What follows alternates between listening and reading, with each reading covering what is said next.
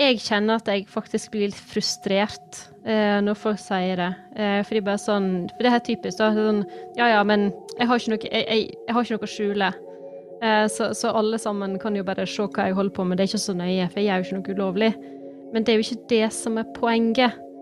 Eh, poenget er jo at du blir ei brikke, eh, enten du vil det eller ikke, inn i noen andre sine Ja, det kan jo være alt ifra eh, reklame, eh, oppbygging, eh, businessmodell. Eh, det kan være ja, etterforskning, innhent. Altså, du, du mister fullstendig kontrollen på hva du deler.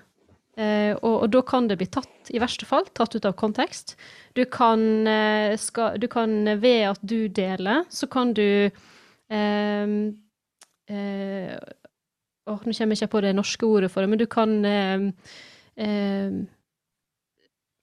implikere andre som kanskje i utgangspunktet ønsket å være anonyme. og det du gjør, og måten du oppfører deg på nett, kan gjøre at andre, f.eks. Eh, whistleblowers, kan komme opp i, eh, i, eh, i, hverdagen som med identiteten sin. og det er jo bare noen få eksempel, da. Og så har en jo alt annet i tillegg. Så jeg liker, jeg personlig, liker ikke det utsagnet.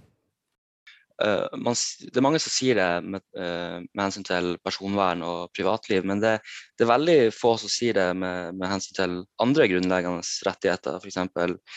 inngrep i ytringsfriheten. Uh, er ingenting å ytre akkurat nå, så, så, det gjør ikke noe at, at den blir litt begrensa. Så, så, hvis man tar den sammenligninga, så, så, ser man hvor det, hvor det faller på når man sier 'er ingenting å skjule'.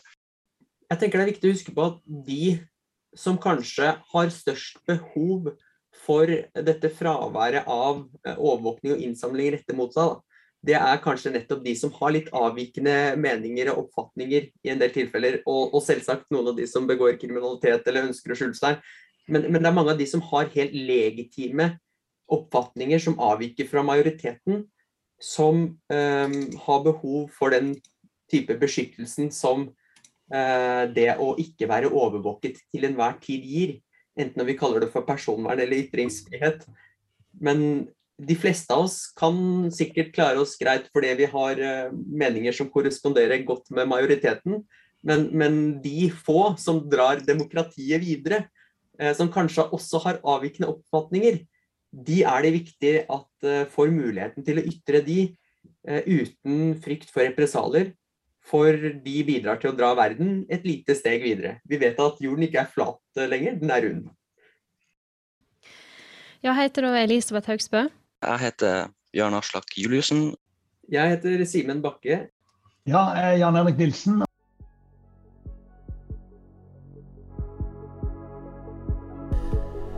Hva slags konsekvenser har det for deg om data som samles inn i én tjeneste, brukes til noe helt annet?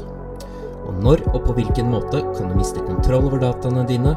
Og hva når omfanget av informasjonsinnhentingen når et punkt der du får følelsen av at enhver meningsytring, samtale og bruk av tjeneste blir overvåket? I foregående episoder har vi snakket om et tema vi kaller privatisering av myndighetsovervåking. Altså hvordan myndighetene samler inn eller kjøper data fra private selskaper for å drive f.eks.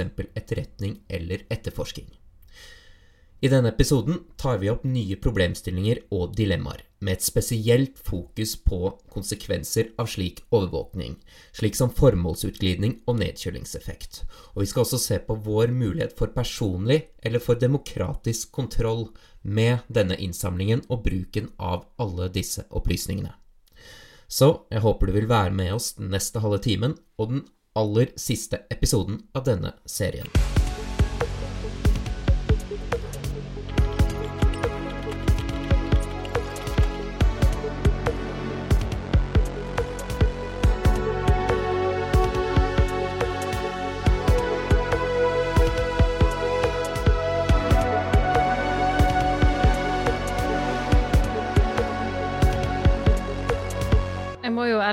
Jeg uh, Det der eh, My Heritage, eller sånne DNA-innsamlinger, det har jeg litt sånn skikkelig sånn torn i sida på meg. For, det, for den jeg forstår Jeg forstår folk sin eh, sitt engasjement og sin interesse rundt det, for det er jo veldig interessant.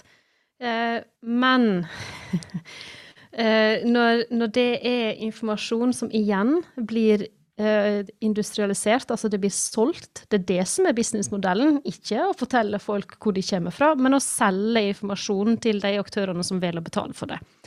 Eh, og når det er sagt, så har en jo for eksempel eh, sett tilfeller der eh, anonyme sæddonorer har blitt avslørt fordi noen i slekta har sendt inn en sånn prøve. Og så, når en da ønsker å teste sitt eget DNA, så får du en match, sant? Eh, og så skjønner du plutselig hvor du er ifra. Det her er jo Det skal jo være helt, helt anonymt, og det er det ikke lenger. Og så har du heller ikke kontroll over det sjøl, fordi at du er jo dessverre i slekt med masse andre folk som kan velge eller ikke velge å sende inn sånne prøver. Og da får du sånne eh, store konsekvenser som du ikke har noe kontroll over. Så, så hva, hva, vil, hva, vil, hva, vil, resultatet være, da? Vil en se at folk slutter eh, å donere jeg håper å si både sæd og egg. Du trenger ikke også bruke hele podkasten og snakke om det, men altså, da får du òg et samfunnsproblem, for vi er jo avhengig av det. Eh, og mange er avhengige av det. Så, så det er sånn eh, Ja, jeg, jeg syns den er um, den er veldig Den kan være veldig lei. Og så har den jo òg Det er jo òg forskjell på Nå er jeg ikke noe DNA-ekspert, men det er veldig stor forskjell på eh, sekvenseringa når du gjør en DNA-prøve. Eh, og, og, det der med en, en match eller ikke match eh, sier at alt over 80 eh, er en match da har du jo fortsatt 20% feil. Eh, som òg er et viktig element inni her, da. Eh, så ja, jeg bare ville kaste opp den, for jeg syns den er Den er en av de interessante eh, bitene av, eh, av, et puslespill som du sjøl ikke har noe særlig god kontroll over.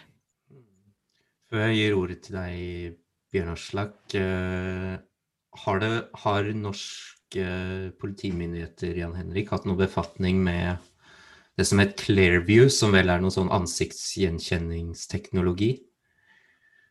Eller i hvert fall uh, nabos, naboland?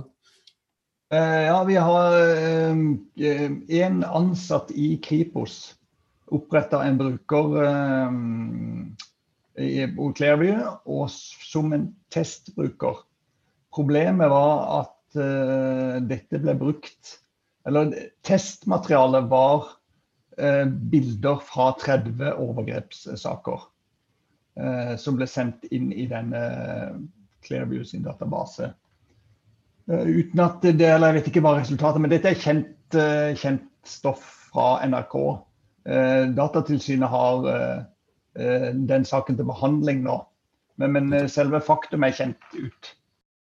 Jeg tenker at en mulig konsekvens, i hvert fall av, eh, av lovgivning som etablerer eh, lager av, av, store mengder eh, data, er det her med formålsutglidning. Og kanskje også noe som man kan kalle utleveringspress. Og hvis man ser eh, ikke mer enn eh, fem-seks år tilbake, så er det to ganger man har hatt et, et godt formål. man har visst at man har hatt lagra data en plass. Men man har hatt en hjemmel som i utgangspunktet stenger for at man kan få tilgang til denne dataen. Og to ganger har det, til tross for ganske klare hjemler, havna i Høyesteretts ankeutvalg og også i Høyesterett. Ene gangen var det man ville bruke eh, politiregisterdata til en farskapssak. Noe som politiregisterloven eh, i utgangspunktet stenger for, men da tolka Høyesteretts ankeutvalg barneloven utvidende.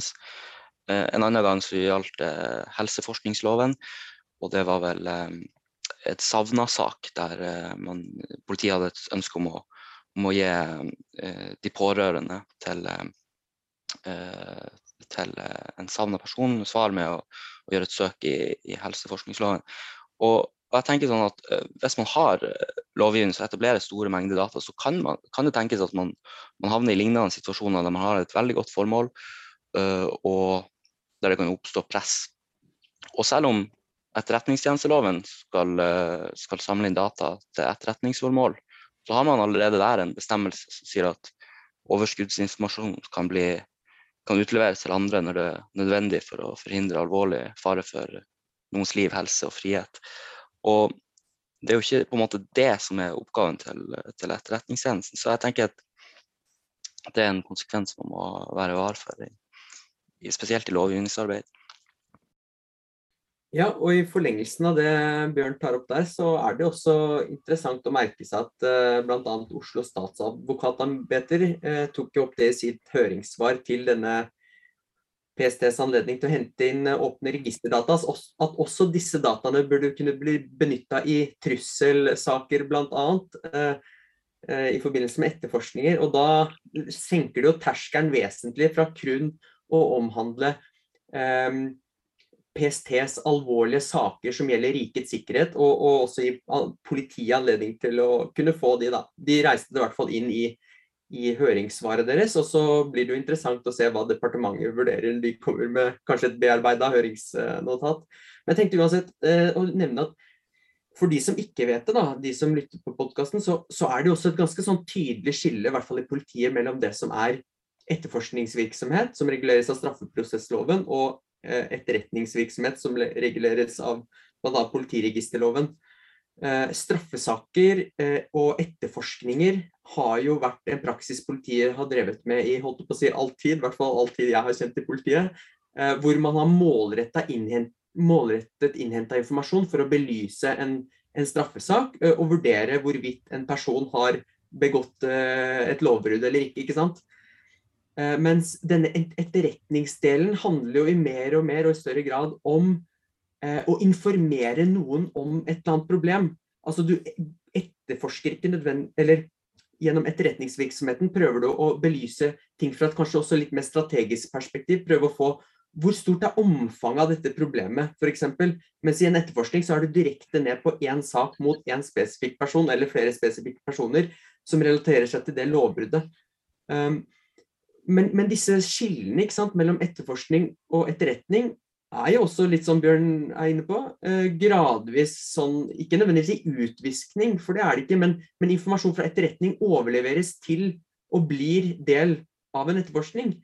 Um, og det er jo litt interessant, det var vel denne Nå husker jeg ikke alt i detalj, men uh, det var denne Anom-operasjonen, uh, altså en, en eh, FBI hadde drifta en eller annen sånn app som kriminelle miljøer bruker. Og så viser det seg at uh, norsk politi får tilgang til uh, disse dataene om disse uh, lovbruddene som er begått da, av borgere i, i, Norge. Og så er jo dette data som var samlet inn på en måte som ikke er lovlig i henhold til norsk regelverk. Men så er det sånn at man har fri bevisføring i retten, og så får man kanskje likevel eh, brukt eller lagt fram disse dataene. Da. Og så er det innhenta på en måte som Dersom det var gjort i Norge, så hadde det vært ulovlig, men fordi det kommer fra en samarbeidende tjeneste i et annet land, så får man likevel bruke det i en straffesak. Da. Nå husker jeg ikke alle detaljene her, så ikke, ikke ta meg på det, men det er i hvert fall noe med prinsippet her sant, som er litt viktig. at når vi vedtar et regelverk, så vedtar vi det i Norge, men vi får også informasjon fra mange andre eh, deler av verden. Viktige problemstillinger gjør seg gjeldende når data samles inn fra private selskaper, eller når informasjon samles inn fra selskaper over landegrenser eller fra andre myndigheter. En utfordring kan være at mange slike registre og overvåkingstiltak i utgangspunktet ikke har vært gjenstand for demokratisk debatt og en lovprosess, rett og slett fordi de er private aktører, eller fordi de opererer i andre jurisdiksjoner med andre regler. En annen utfordring er å forholde seg til en ny virkelighet med så store mengder data at kun moderne analysemetoder er tilstrekkelige for å hente ut resultater. Er algoritmene åpne nok, og kan vi stole på resultatene vi får presentert? Vi lar panelet få bryne seg. Ja, og jeg tenker eh, det, det illustrerer godt eller hvorfor det er så viktig å ha regelverk og åpne prosesser omkring det. Og for å gå litt tilbake til DNA-databasene. Altså det Hvis politiet skulle etablert en DNA-database over jeg lurer på om det er 600 000-800 000 norske borgere som er i disse kommersielle databasene, og med på en måte sånn at du treffer på fjerne slektninger, så vil du nesten kunne treffe alle norske borgere. Hvis politiet ønsker å opprette den type database, så vil det jo være gjenstand for en voldsom lovprosess, en offentlig debatt og et stortingsvedtak. Når det er private som samler inn dette, så på en måte eh, åpner det muligens for, hvis man tar dette i bruk da i Norge, man har jo ikke tatt det i bruk, for på en måte en, en stor, store overvåkningstiltak som ikke er gjenstand for eh, en demokratisk eh, debatt og en samfunnsdebatt. Og det, det synes jeg er et perspektiv som er viktig å få frem.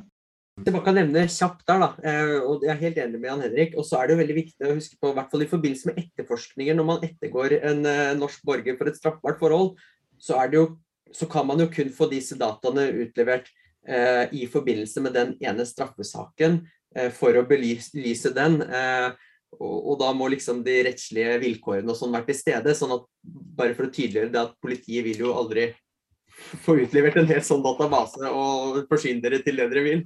Eh, men da går man jo spesifikt etter de dataene som kan belyse etterforskningen.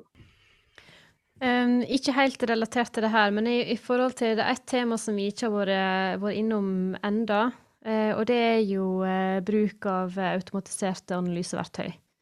Uh, og fordi at det er ikke sånn at en skal ha en hel jeg håper å si ishall med folk som sitter og, og, og, ser på dataen og gjør det her.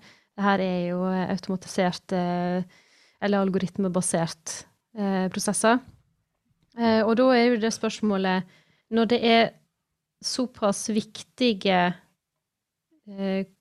ja, funn eller konklusjoner som kommer ut Eh, eller som er resultatet av en eh, automatisert eh, prosess, så burde jo sjølve måten eller algoritmen som er i den prosessen, være åpent tilgjengelig. Og det vil jo si at ikke, ikke informasjon som går inn og kommer ut, skal være åpen, men hvordan gjør denne algoritmen begrunnelsene sine Eh, og, og, det Hvis den er lukka, um, så er en jo i den situasjonen at, egentlig, at det er ytterst få da, som egentlig veit hvordan det her fungerer. Uh, og som ingeniør, som og som sikkert veldig mange andre òg, så er jeg jo veldig opptatt av å vite hvordan ting fungerer. Eh, fordi det er jo sånn du kan forstå resultatet på en god måte. OK, her har du et resultat, og alle resultat som kommer ut av en algoritme, har en feilmargin. OK, så får du kanskje oppgitt feilmarginen, da, men hvordan Altså, hva har skjedd her? Hvorfor ble det sånn? Eh, det elementet feller vekk hvis sånne typer algoritmer ikke er åpent tilgjengelig. Ja, jeg syns det Elisabeth tar opp der er veldig interessant, og Bjørn er også litt inne på det i stad. Bruke algoritmer for å eh, hva skal vi si, hente ut resultater fra store datamengder. Da. For det er jo, altså, brukeren vil jo få tilgang på noe data basert på avgjørelser som en algoritme gjør. fordi du kan ikke lese gjennom alle datamengdene, de er altfor store. så Derfor må du ha en maskin til å gjøre det. Eh, Det er jo veldig viktig å være klar over at hva du får presentert, avgjøres hvordan algoritmen er eh, justert, og hvilke treningsdata den er basert på. Så hvis du som la oss si, politi eller etterretningstjeneste får tilgang til informasjon du får visualisert frem på skjermen din, basert på enorme datamengder, så får du bare et lite utvalg basert på noen bestemte kriterier som ligger til grunn. Eh, og åpenhet om de kriteriene er så viktig, for det kan være Det kan hende at du får én bestemt person eh, som, som du blir varsla om, og som kanskje du setter i verk tiltak mot Eh, og som man begynner å ettergå i en lengre prosess.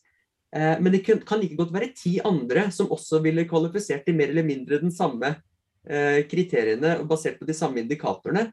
Men så har du kanskje ikke ressurser til å ettergå alle, ja, da må du velge ut én. Kanskje det var den basert på de dataene du fikk servert som virka mest aktuelle å ettergå. Men kanskje er de ni andre mer relevante, men du mangla data om de. Derfor blir det den ene vi velger ut å, å gå videre med. Så, mm. Sånne typer problemstillinger tenker jeg det er kjempeviktig å, å diskutere også når man drar inn stordataanalyse. Ja, for er ikke det Vil ikke vilkårlighet og tilfeldighet, hvis man kan kalle det det, da egentlig være det motsatte av rettssikkerhet, Elisabeth? Jo, det kan godt hende. Eh, og så vil jeg òg snakke litt om eh, eh si, to, to, ting som er relatert til eh, algoritmer og bruk av algoritmer. Eh, og det er jo opplæring av de som bruker algoritmen. Altså, hvordan skal du, når du blir presentert da, med, med et resultat, eh, og sier at du ikke kjenner noen ting eh, i, i, forhold til hvordan den her eh, Altså hvorfor Hvorfor har du blitt presentert med det resultatet her? For du kjenner ikke dataene som går inn. Du vet ikke hvordan algoritmen er satt sammen. Du vet ikke hvordan den er trent. Eh, og, og, og, da, da, sitter, da, da, sitter, du igjen med, med hva som helst. Altså, hvordan skal du da gjøre en, en alvorlig eh, Ja, skal du, skal du, lage sak, eller skal du ikke lage sak? Eh, og det er noe si, al alvorlig nok i seg sjøl at det kanskje sitter én eller to personer med et sånt type ansvar. Eh, det er nå én ting. Eh, men så har en jo òg eh, eh, og det går på OK, kanskje det var ni andre som egentlig oppfylte det samme kriteriet, men du mangler data om dem. OK, men hvordan får du inn data? Jo, du får inn data med at folk eh, med vilje, eller ikke, deler data. OK, og det, da eh, kommer jo til et punkt at eh, noen kanskje deler mer data enn andre, basert på at de rett og slett ikke skjønner hvorfor de deler, eller hvor tid de deler data.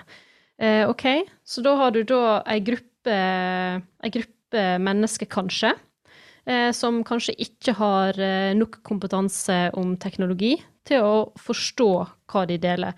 Eh, og hvis den gruppa da òg er sammenfallende med ja, Nå skal jeg ikke si at det er det, eh, dette er bare et eksempel. Eh, med noen som er kjent for å gjøre kriminelle handlinger, så har du en forsterking av det. Og så har du kanskje ei anna gruppe som er litt mer teknisk kompetente, forstår at OK, hvis jeg skrur av 1, 2, 3, 4, 5, hvis jeg kanskje unngår å gjøre sånn og sånn, så blir ikke den dataen eh, lagra, eller så blir det ikke eh, Det jeg skal gjøre akkurat nå, vil ikke merkes. Eh, OK, så unngår de å bli en del av den gruppa som er i den datapoolen som gjør kriminelle handlinger. Og det er et lite problem.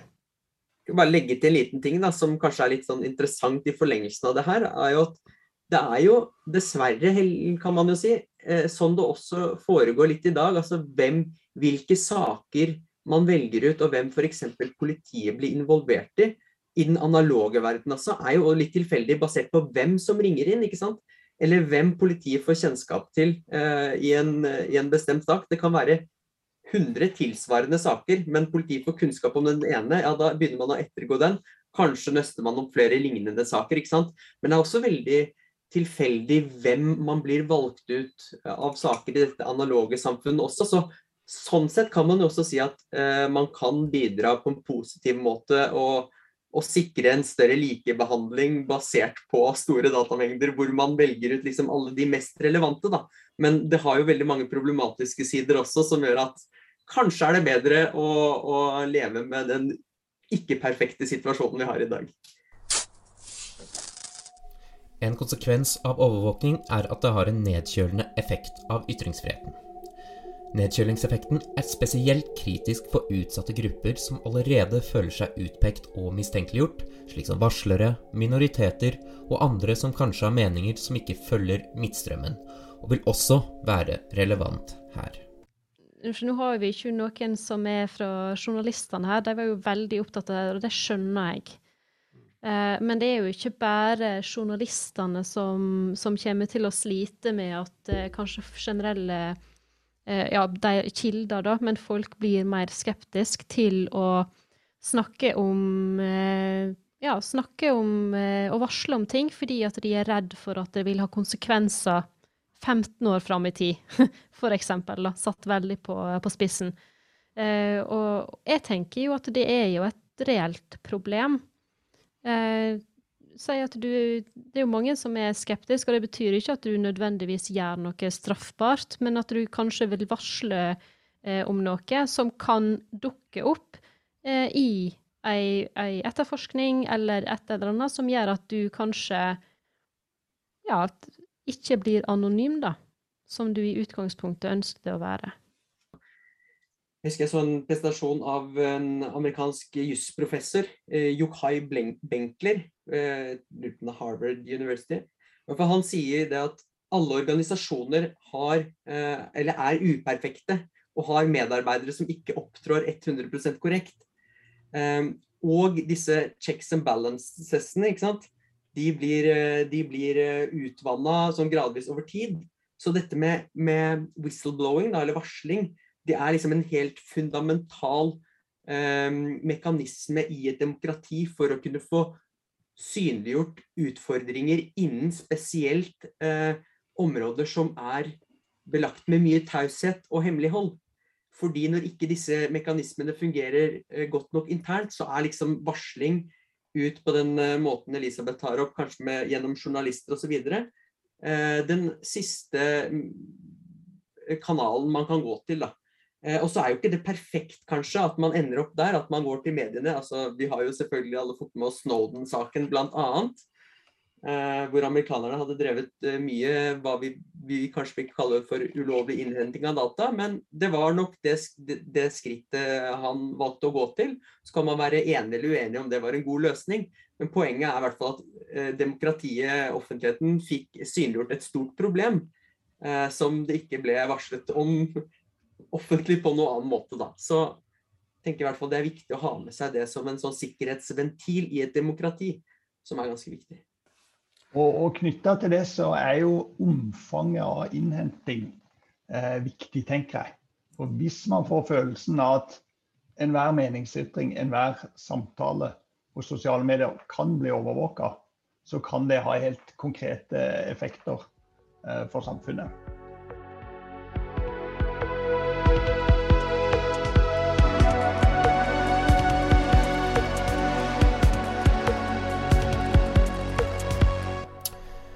Store inngrep i retten til privatliv og ytringsfriheten krever svært strenge kontrollmekanismer og grundige vurderinger av nødvendighet og forholdsmessighet.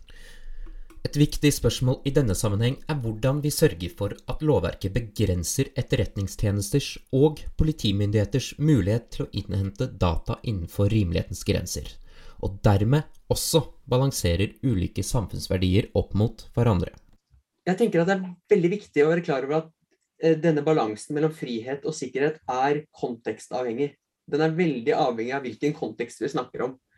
Eh, og de færreste har dyptgående innsikt i hvordan eh, det norske samfunnet med sine politimyndigheter, sikkerhets-, etterretningstjenester, tollmyndigheter, alle andre, sikrer samfunnet på en god måte. Uh, og det tenker jeg De færreste har godt kjennskap til hva alle aktørene er. Og kanskje er det en fordel, for da vet jo ikke trusselaktørene det heller, de som prøver å utnytte disse systemene. Men, men snakker vi om f.eks. beskyttelse mot terror, da, uh, så er det jo åpenbart viktig å ha kontroll på grensene. Det er åpenbart viktig å ha kontroll på alle som har våpen. Uh, det er åpenbart viktig å ha noen som overvåker de miljøene som kan stå bak denne terroren. Og også ha kontroll på eh, de, de, som reiser ned til eh, fremmede stater og bedriver terrortreninger osv., som potensielt kan komme tilbake til Norge og begå handlingene. Og Det vi egentlig snakker om da, er en, en balansert eh, sikring. da. At du har mange ulike tiltak, ulike barrierer, som kan stoppe denne trusselaktøren som prøver å komme inn til landet. Men dessverre så ender vi veldig ofte å diskutere ett enkelt tiltak nærmest uten kontekst og vurdere er det nyttig eller er det unyttig. Og Det samme gjelder også innenfor cyber. ikke sant? For det er veldig lett å si at um, sånn som bl.a. Uh, eh, tidligere uh, statssekretær i Forsvarsdepartementet, Tone Skogen, uh, sa på en artikkel på Rett24 at uh, dette tiltaket vil beskytte Norge mot trusler utenfra. Um, og de som er litt sånn inn i cybersikkerhet og sånn, de vet jo kanskje at det er en sannhet med modifikasjoner. For du må jo få disse dataene utlevert fra tingretten, og så må du begynne å ettergå det for å finne ut hva er det som faktisk ligger her. Og så vet man at nasjonal sikkerhetsmyndigheter Nasjonal sikkerhetsmyndighet har plassert sensorer i eh, samfunnskritiske virksomheter i dag. ikke sant? Så det er et apparat allerede som ligger og beskytter de viktigste virksomhetene i Norge. Og så kan man hele tiden diskutere er det godt nok. Det er det kanskje ikke. Men for å diskutere om et tiltak er nyttig, så må det diskuteres i konteksten av alle de andre tiltakene vi har. Eh, og det glemmer man ofte, ikke sant? for man ser på én spesifikk aktørs behov. Eh, og, og, det jeg tenker å avslutte med i forbindelse med spørsmålet ditt, da, det er at det er først da du kan gjøre deg opp en reell formening om hvorvidt denne balansen mellom frihet og sikkerhet treffer riktig. Fordi hvis du bare diskuterer ett tiltak, så vil du aldri kunne se helheten, og da blir liksom da blir det veldig sånn løsrevet fra den virkeligheten vi egentlig lever i, da. For den består av mange ulike tiltak. Jeg tenker at uh, når man har lovforslag som, uh, som legger opp til forutgående domstolskontroll for inngrep, som f.eks. etterretningstjenesteloven, som jo er en, på en måte en slags balansegang mellom eh, mellom trygg, sikkerhet og, og, andre sine borgerrettigheter, så må man ha lovgivning som sikrer at den kontrollen faktisk blir en, blir en reell kontroll av en inngrepshjemmel. Uh, og ikke bare en, en slags prosessuell kontroll der det meste går igjennom. Og det har jo vært litt kritikk mot etterretningstjenesteloven at den har ganske vage inngrepshjemler. Og uh, hvis man sammenligner med et lignende system man har i dag, så har man jo forutgående eh, prøving av tvangsmidler som kommunikasjonskontroll og ransaking uten underretting og sånt etter straffeprosessloven. Og, og, når man har noe som bare blir belyst av den ene sida, og man har en slags skyggeadvokat som også bare blir belyst av begjæringa fra den som vil ha begjæringa oppfylt av, av tingretten, uh, så er uh, kanskje eh, i noen tilfeller det er mer en slags skinnkontroll enn en reell kontroll av, av, inngrepet. Så jeg tenker at når man lager lover, så må man, uh, må sørge for at, at, det blir en slags reell kontroll. Og at man ikke har, uh, har vare, vage vilkår for et inngrep. Jeg tror vi, jeg tror vi lar det være siste ord, Ja. Så tusen takk til alle for at dere kom. Tusen takk for en hyggelig seanse som var veldig interessant. Veldig gøy, Tusen altså. takk for at vi kom. Tusen takk for at jeg fikk komme.